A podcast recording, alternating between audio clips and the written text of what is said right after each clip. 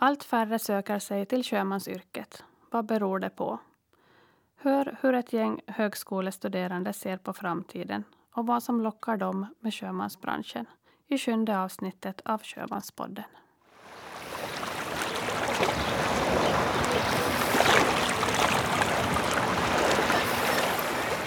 Här med ett gäng högskolestuderande som läser till kapten. Eh, en hel klass, klass 3, årskurs 3 om jag fick saken rätt. Ja, stämmer. Ja. Eh, ni kan kort berätta lite om er själva och, och vad ni har gjort och varför ni är här. Eh, Ville heter jag, 27 år, eh, från Stockholm. Och, eh, har eh, jobbat på lite olika typer av fartyg. Allt från lyxjakter till Viking Line och eh, nu var sist eh, skärgårdsfärjorna. Jag är Marika Karlström från Brände, 46 år. Och jag byter karriär. Jag har varit kock tidigare. Ja, modigt. Intressant. Mm. Jan Strandvall från Jomala, 27 år. Ursprungligen kommer från Jurmo, Brände. Har jobbat sedan 2009 på Viking Line. Har en bakgrund från Sjömansskolan som däcks och maskinreparatör. Och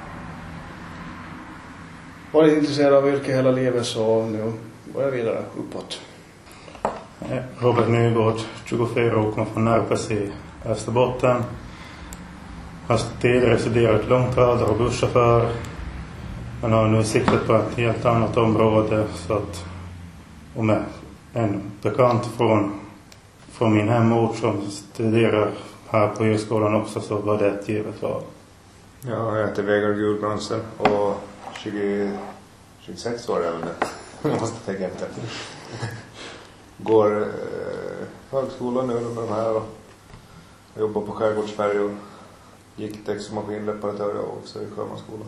Vad är det som, som lockar med sjömanslivet eller kaptenslivet? Ledigheten. Ja, Det är Det- korta och enkla svaret för mig i alla fall. okej. Mm. Om man tänker på själva jobbet då? Vad är det som... För, för min del är det lite att det är lite annorlunda än vad lokalbefolkningen hemma håller på med att vill på jobba. Vara lite annorlunda helt enkelt. Mm. Ja, i Närpes är det kanske inte så vanligt med att man går till sjöss. Här på Åland är det lite mer allmänt. Ja, det är faktiskt märkt att så att att sticka ut lite så det är Mm. ganska fint. Ja. Jag har ingen aning faktiskt. Jag kan inte riktigt sätta fingret på det. Vad som gjorde att jag redan vid barnsben bestämde mig för, eller liksom kom in på det att jag ska bli sjökapten en dag. Styrman eller sjökapten. Ja, i alla fall befälsposition ombord på ett fartyg. Jag kan faktiskt inte sätta fingret på det. det är, så precis som alla andra yrken så har det ju sina sidor. Men det finns någonting som jag inte kan sätta fingret på. Jag vill ha ut till sjöss för jag trivs på vattnet. Jag jobbade tidigare på passagerarfärjor också. Och jag tycker om ledigheten och att man jobbar när man är på jobb. Mm. Nej, för mig är det väl mer livsstilen egentligen. Så det är inte bara jobbet i sig utan det är allt runt omkring. Ehm, För jag började i en liten annan ända. Ehm, Började direkt att jobba på lyxjakter. Ehm, Så då är man ju borta längre period på fem månader eller någonting sånt kanske. Innan man får sin ledighet på en månad. Men ofta så ehm, ja, är man väl ledig på helgerna i alla fall. Så att man fick ju chans att upptäcka och se andra länder och resa en hel del, träffa massa olika människor. Mm. Ehm, Så det var väl egentligen det som lockade. Ehm, Och, fortfarande lockar egentligen. För det är väl det som jag kanske vill tillbaka till i framtiden sen när jag är klar med eh, utbildningen. Det var också en fråga som jag hade tänkt ställa. Att, att vad, vart bär det av sen när skolan är klar? Har ni funderat så långt? Jag ska väl få lite längre bort och jobba. Har du någon, någonting speciellt i sikte eller? Nej, inte just nu. Får Nej. se vart det bär. Mm. Ja, jag vet faktiskt inte. Jag, är- jag har ingen behov av att åka långt bort heller utan att jobba på ombord på en passagerarbåt eller färja. Det är väl liksom min grej eftersom jag också tycker om det sociala livet och liksom träffa folk och ha mycket folk runt mig. Samtidigt som jag gillar safety-biten som är bra mycket större på en passagerarbåt än vad den är på en lastbåt till exempel. Det är Mm. klart, det innefattar ju samma grejer fast i större omfattning. För min del är det lite att det skulle vara roligt att prova på lite olika typer. Lite kortare sträckor nu som då sen att se på de stora världshaven. Ja, jag har inget direkt mål egentligen utan att vilja pröva lite på lite olika. Mm.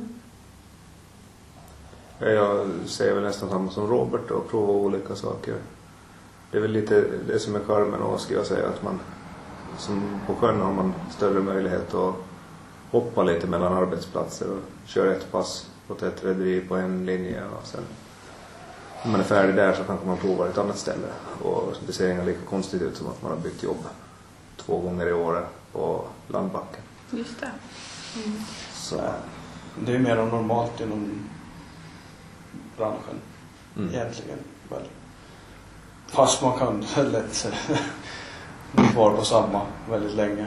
Så Men det är ju alltså, himla skönt egentligen. Just det där med eh, att man kan köra en säsong eh, på skärgårdsfärjan här till exempel och sen nästa år kanske man är uppe i Svalbard eller, eller nere i Europa eller i Asien eller USA eller var som helst. Så att man får ju se väldigt mycket, man får uppleva väldigt mycket. Mm. Ja, jo- jobbar man på land så tycker ju folk det är aningen märkligt om man, om man byter arbetsplats varje år. Men eh, på sjön så räknar man ju bara sjödagar. Mm. Så det, är ju, det är ju en fördel i sig. Vi pratade tidigare innan jag började spela in om att uh, intresset lite har svalnat för den här utbildningen. På tidningen så sa, läste jag att, att man trodde att anledningen var att ungdomar idag inte är lika intresserade av att se världen. Tror ni att det kan ligga någonting i det? jag ser världen, ja, men inte ur det perspektivet som man får se den som sjöman. Jag tror Mm. nog att man är mer ute efter att och resa liksom för att resa, inte för att liksom på det sättet. Att man separerar nöje och, och jobb? Ja. Det är väldigt ofta man inte hinner i land också om man jobbar på något fartyg. När Mm. du ser en hamn med lite kolhögar och kanske någon containerstapel så på det, det är inte direkt några vingårdar i Frankrike. Nej, och det kanske är en sak som har ändrats. Eller på lyxjakter kanske det är vingårdar i, i Frankrike. Ja, det beror ju förstås på vad man väljer. ja. Men, Men- lastfartyg, de har ju en, en allt brådare schema som de ska hålla. Att, att den där tidtabellen tillåter kanske inte så mycket utsvävningar som förut. Eller vad tror ni? De som går på linjetrafik har ju tajt. De jag har jobbat på. Mm. Vill man ha tid i hamn så ska man söka sig till småtonnage. Då finns det ju en hel del sådana i Östersjön också men det är väl kanske inte så intressanta resmål. De mest spännande platserna att se. Mm. Så det är inte det liksom som, som lockar er i alla fall, att man ska få se mycket av andra länder. Nej, det tåget har nog gått, känns det som. Ja, för mig är det fortfarande, jag är fortfarande på det tåget. Kan man väl säga. Men du är ju rastlös. Jo, jag är väl lite mer rastlösa typen. Nej, men jag vet inte. Jag har ju provat på... Alltså de senaste åren så har jag ju jobbat alltså, på fartygen runt här och det är ju en helt annan typ av eh, sjöfart egentligen. Så den har ju sin charm på sitt sätt den också. Eh, Men det är ett himla plus just det där med att man kan vara borta under en längre period. Eh, och ha möjlighet att gå i land. Det har man inte alltid såklart men så länge ägaren inte är ombord och, och sådär så brukar man i alla fall ha möjlighet att, att, att gå i land. Man ligger i ganska schyssta mariner och sådär. Eh, Så det har väl också såklart varit lockat en, en hel del. Men inte bara det utan sjömansjobbet i sig är ju också väldigt kul och utmanande och, och sådär. Mm. Och brett. Man får göra en himla massa saker. För min del, som inte har rest så mycket före bara här så har det varit en liten, ett litet lyft att få, faktiskt få åka utomlands och se lite annat. Kanske inte det där just turistandet är så riktigt i stor bredd men man får som pröva på sig att ta, ta, ta sig ut i världen. Mm. Och just om ni, om ni går till kapten och, och sen jobbar som befälhavare så kommer ju ni också att ha att göra med andra kulturer och, och medla och, och ha den där kontakten. Det är väl det som är, man får ju se världen på riktigt om man är ute på sjön och jobbar. Mm. Man får utomlands på en båt. Det får man ju kanske inte om man är som turist heller. Då är det det här charter. Ja, man ser på lite museum och sånt och går längs några turiststråk. Men är man på en båt så får man ju se hur det faktiskt fungerar i, i den platsen man kommer. Mm. Se när båtar kommer in och lämnar av last och se liksom vad de, vad de exporterar och importerar. Man får se lite av byråkratin, eller säkert för mycket av byråkratin. det är ju intressant i sig det bara. Men sen står man ju inför ständiga utmaningar i stort sett hela tiden och man har chans att utvecklas och komma framåt. Så att eh, det är himla bra yrke på så sätt. Att det är, även om man går, kanske går på linjetrafik och sådär, att det blir mycket samma samma så är det ändå eh, mycket som inte är samma. Mm. Och att man får jobba med olika kulturer och andra människor och sådär. Hur ser ni på de här hierarkierna som kan vara ombord, speciellt skillnaden mellan befälhavare och manskap? Du som tidigare, eller som har jobbat på däck och sen går till befälhavare, tror du att det kommer att vara en stor skillnad? Nej, alltså.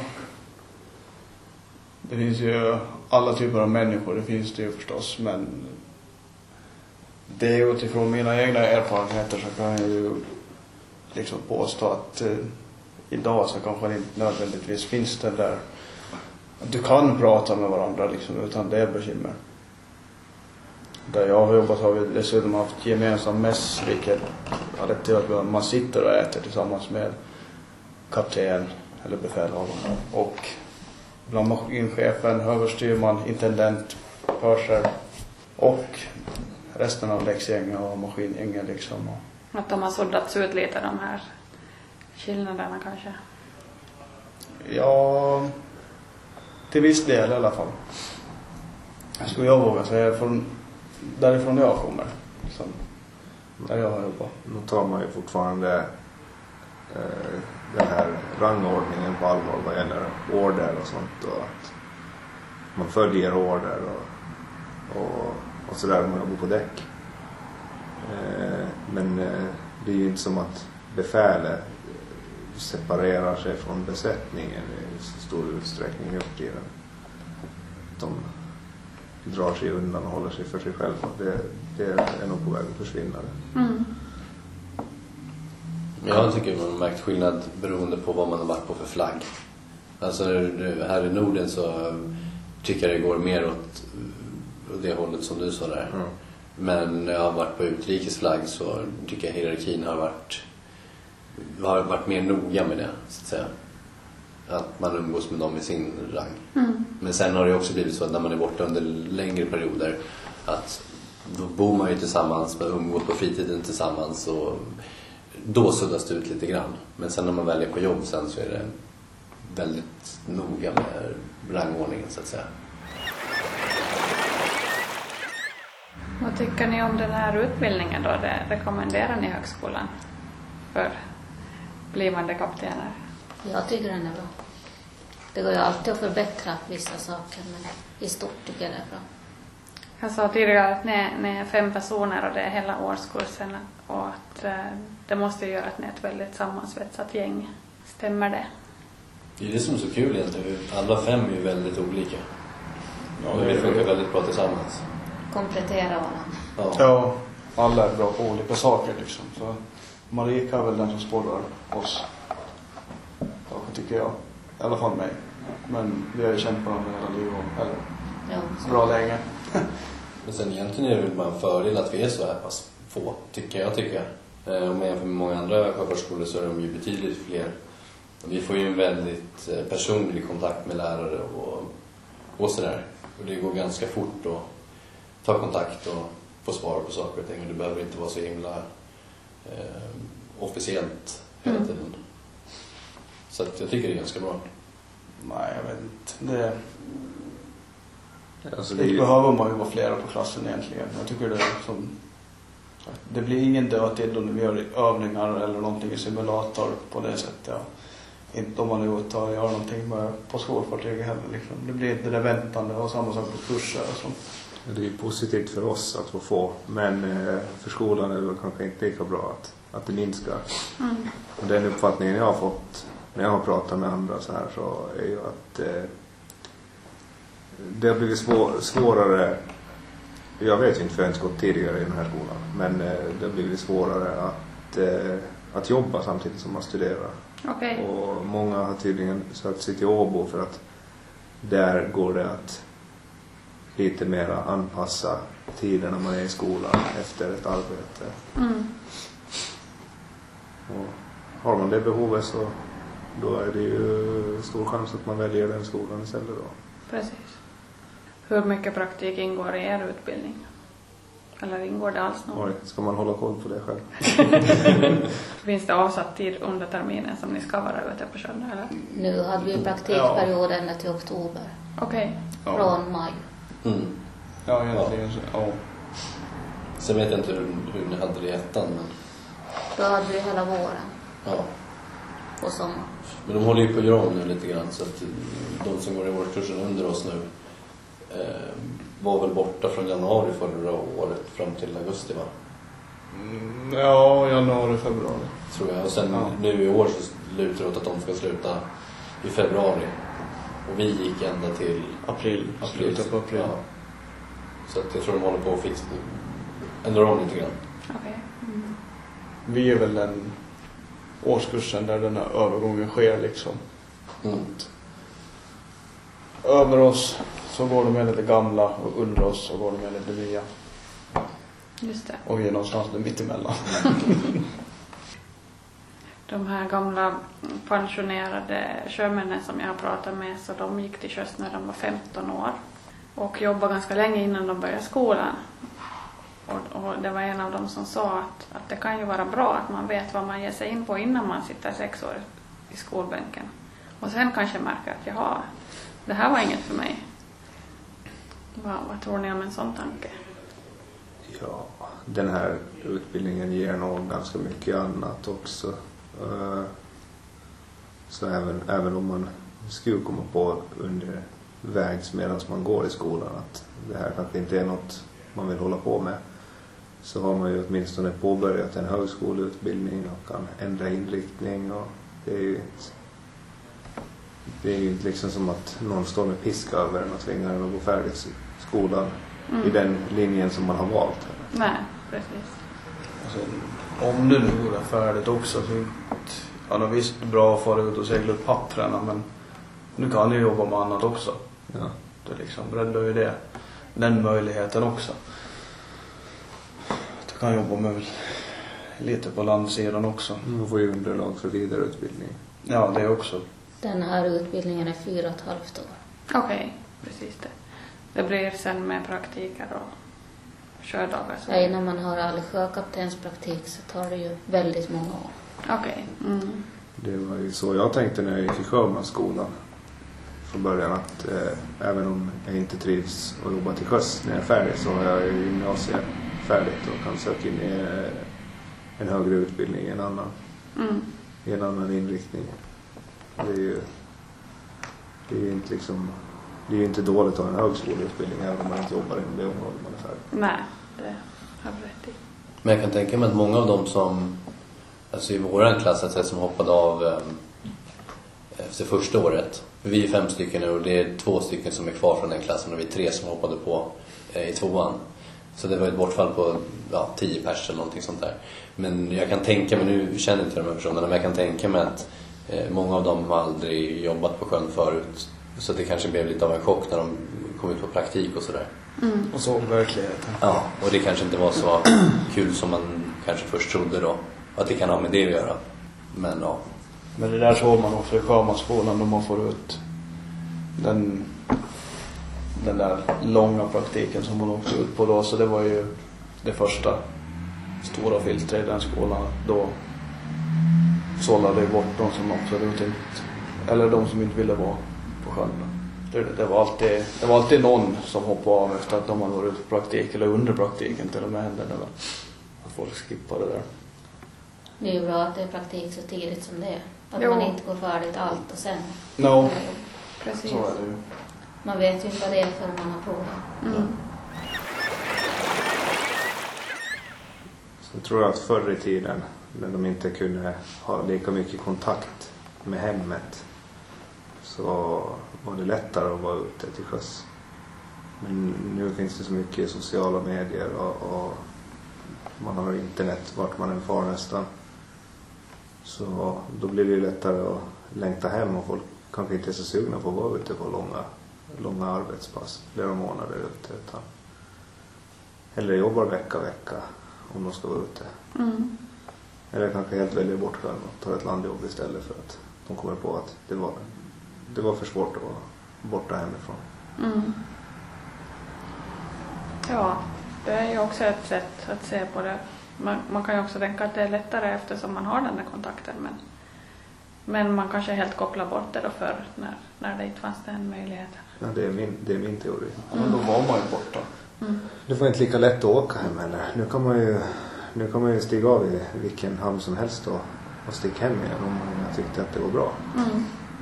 Nu har ju, man är ju lite begränsad av regler med uppsägningstider och sånt men det är ju det är liksom det är lättare än vad det var förr i tiden. Mm. Det är ju ett, absolut ett speciellt liv man lever just med, med tanke på hur mycket man är borta. Men jag tänker ändå att världen blir mindre med, med all uppkoppling och att man idag har större möjlighet att vara med och face-samtala med barnen och, och, och det här som mot förut när pappan kom hem och barnen inte visste vem det var. Mm. mm. Förr i tiden kanske man fick ett samtal från barnen när de sa När kommer du hem? Men eh, nu för tiden kanske de, man hör av dem var, varje dag, samma Mm. fråga Mm. om och om igen. Det är bara det är min teori i alla fall. Ja. Det sliter på med dem. Ja. Ja. Men sen är ju med sociala medier, man märker ju mer av vad man missar på hemmaplan också. Mm. Man blir ju påmind, precis som Vegard man blir ju påmind eh, ofta om vad man missar. Så att det är ju, man missar ju julafton liksom ganska ofta och midsommar och födelsedagar och fester och familjesemestrar och lite allt möjligt sånt som man blir påmind om. Men det är ju ändå ett val man har, har gjort då och sen får man se till att vara, ha det trevligt när man själv är ledig sen och planera in saker. Men Mm. man blir påmind, så är det. Det är väl någonting man måste vara medveten om om man väljer det här yrket också. Att det kan inte gå upp förrän då, sen om man är där. Man kanske ska tänka på det före man börjar med Men det är därför det är bra just det här med praktiken som är ändå ganska tidigt på utbildningen, första törnen så att säga. För då har man ju möjlighet att känna av det där. Är det här någonting för mig? Klarar jag av att vara borta så här länge, långt ifrån familj kanske och, och, och vänner i ny miljö med folk man inte känner. Och det, det kan ju vara ett ganska hårt klimat på vissa ställen. Ja, det är ju Så jag tror det är ganska perfekt. en viss jargong också. Jo, Ombord på båtarna. så är det. På en del ställen hårdare, på en del lättare. Men alla passar inte in. På vilket vis man måste vara tillräckligt tuff för att klara av det eller? Man har det mycket lättare om man har samma humor. Ja. Om man inte är lättkränkt eller? Ja, det är med tror jag. Det, Det gäller att kunna anpassa sig till besättningen ombord och hitta det där det där som lagomt. Där. Att man känner av stämningen? Eller? Ja. Ja. Mm. Jo, för man måste ju verkligen vara socialt begåvad när man är instängd i ett plåtskrov flera veckor med en viss grupp. Jag tror inte man behöver vara så, så värst socialt begåvad. För det är ju bara samma fem, sex pers man ser från lastbåten. så låt det ta fyra, fem dagar då som alla är instängda i hytten och inte pratar med varandra. Men sen börjar någon kika ut genom hyttdörren och, och lite nu och då och så kanske två personer råkar titta ut samtidigt och bara ja, hej. Ja, då börjar också 33 så är det bara kompisar med. som man jobbar med. Mm. Man, måste, man tvingas oavsett hur begåvad man är. Mm. Mm. Min bror jobbade som diskare på Ekerölinjen en sommar och på dag två så tänkte jag jag kommer aldrig, när jag har gjort mina 14 dagar så kommer jag aldrig att komma hit igen. Och så plåstrade styrmannen om han hade blåst på fötterna. Och sen får styrmannen och sprang Ironman. Så sa jag, ja om han springer Ironman då kan jag nog diska en sommar. Ja, på, på min första praktik så var jag på väg hem i, i varje hamn som vi kom till. Men eh, det var, det var lite speciellt där när jag kom på en båt som alla utom befälet, alltså det var egentligen bara kaptenen då som kunde svenska. De andra pratade finska allihopa. Det, en av dem kunde engelska men han såg jag inte så mycket av. Så det blev lite på gränsen till outhärdligt men då gick det sen till slut. Man härdade ut två dagar till då till, eller liksom, nu har jag varit ombord 15 dagar då så nu kan jag klara två dagar till till nästa hamn och sen när man kom till nästa hamn så har jag nog klarat tre dagar till och det här var inte så farligt. Alltså. Mm. Jag höll på sådär tills jag hade gjort hela passet. Och sen lärde du dig finska. Nej. Men eh, jag kom på att det var inte så farligt i alla fall fast man var borta i, ja, jag kommer inte ihåg om det var 45 dagar ute då eller något sånt men det var, det var inte så himla hemskt sen ändå. Mm. Bara man, eh, bara man står ut med sina egna tankar så kan man till och med vara på en båt där man inte pratar med någon. Det funkar det med. Mm. Ja. Och alla båttyper passar ju inte för alla. utan Man måste ju hitta det som passar en själv. Mm. Ja, men jättekul att ni ställde upp på en intervju. Tack ska ni ha.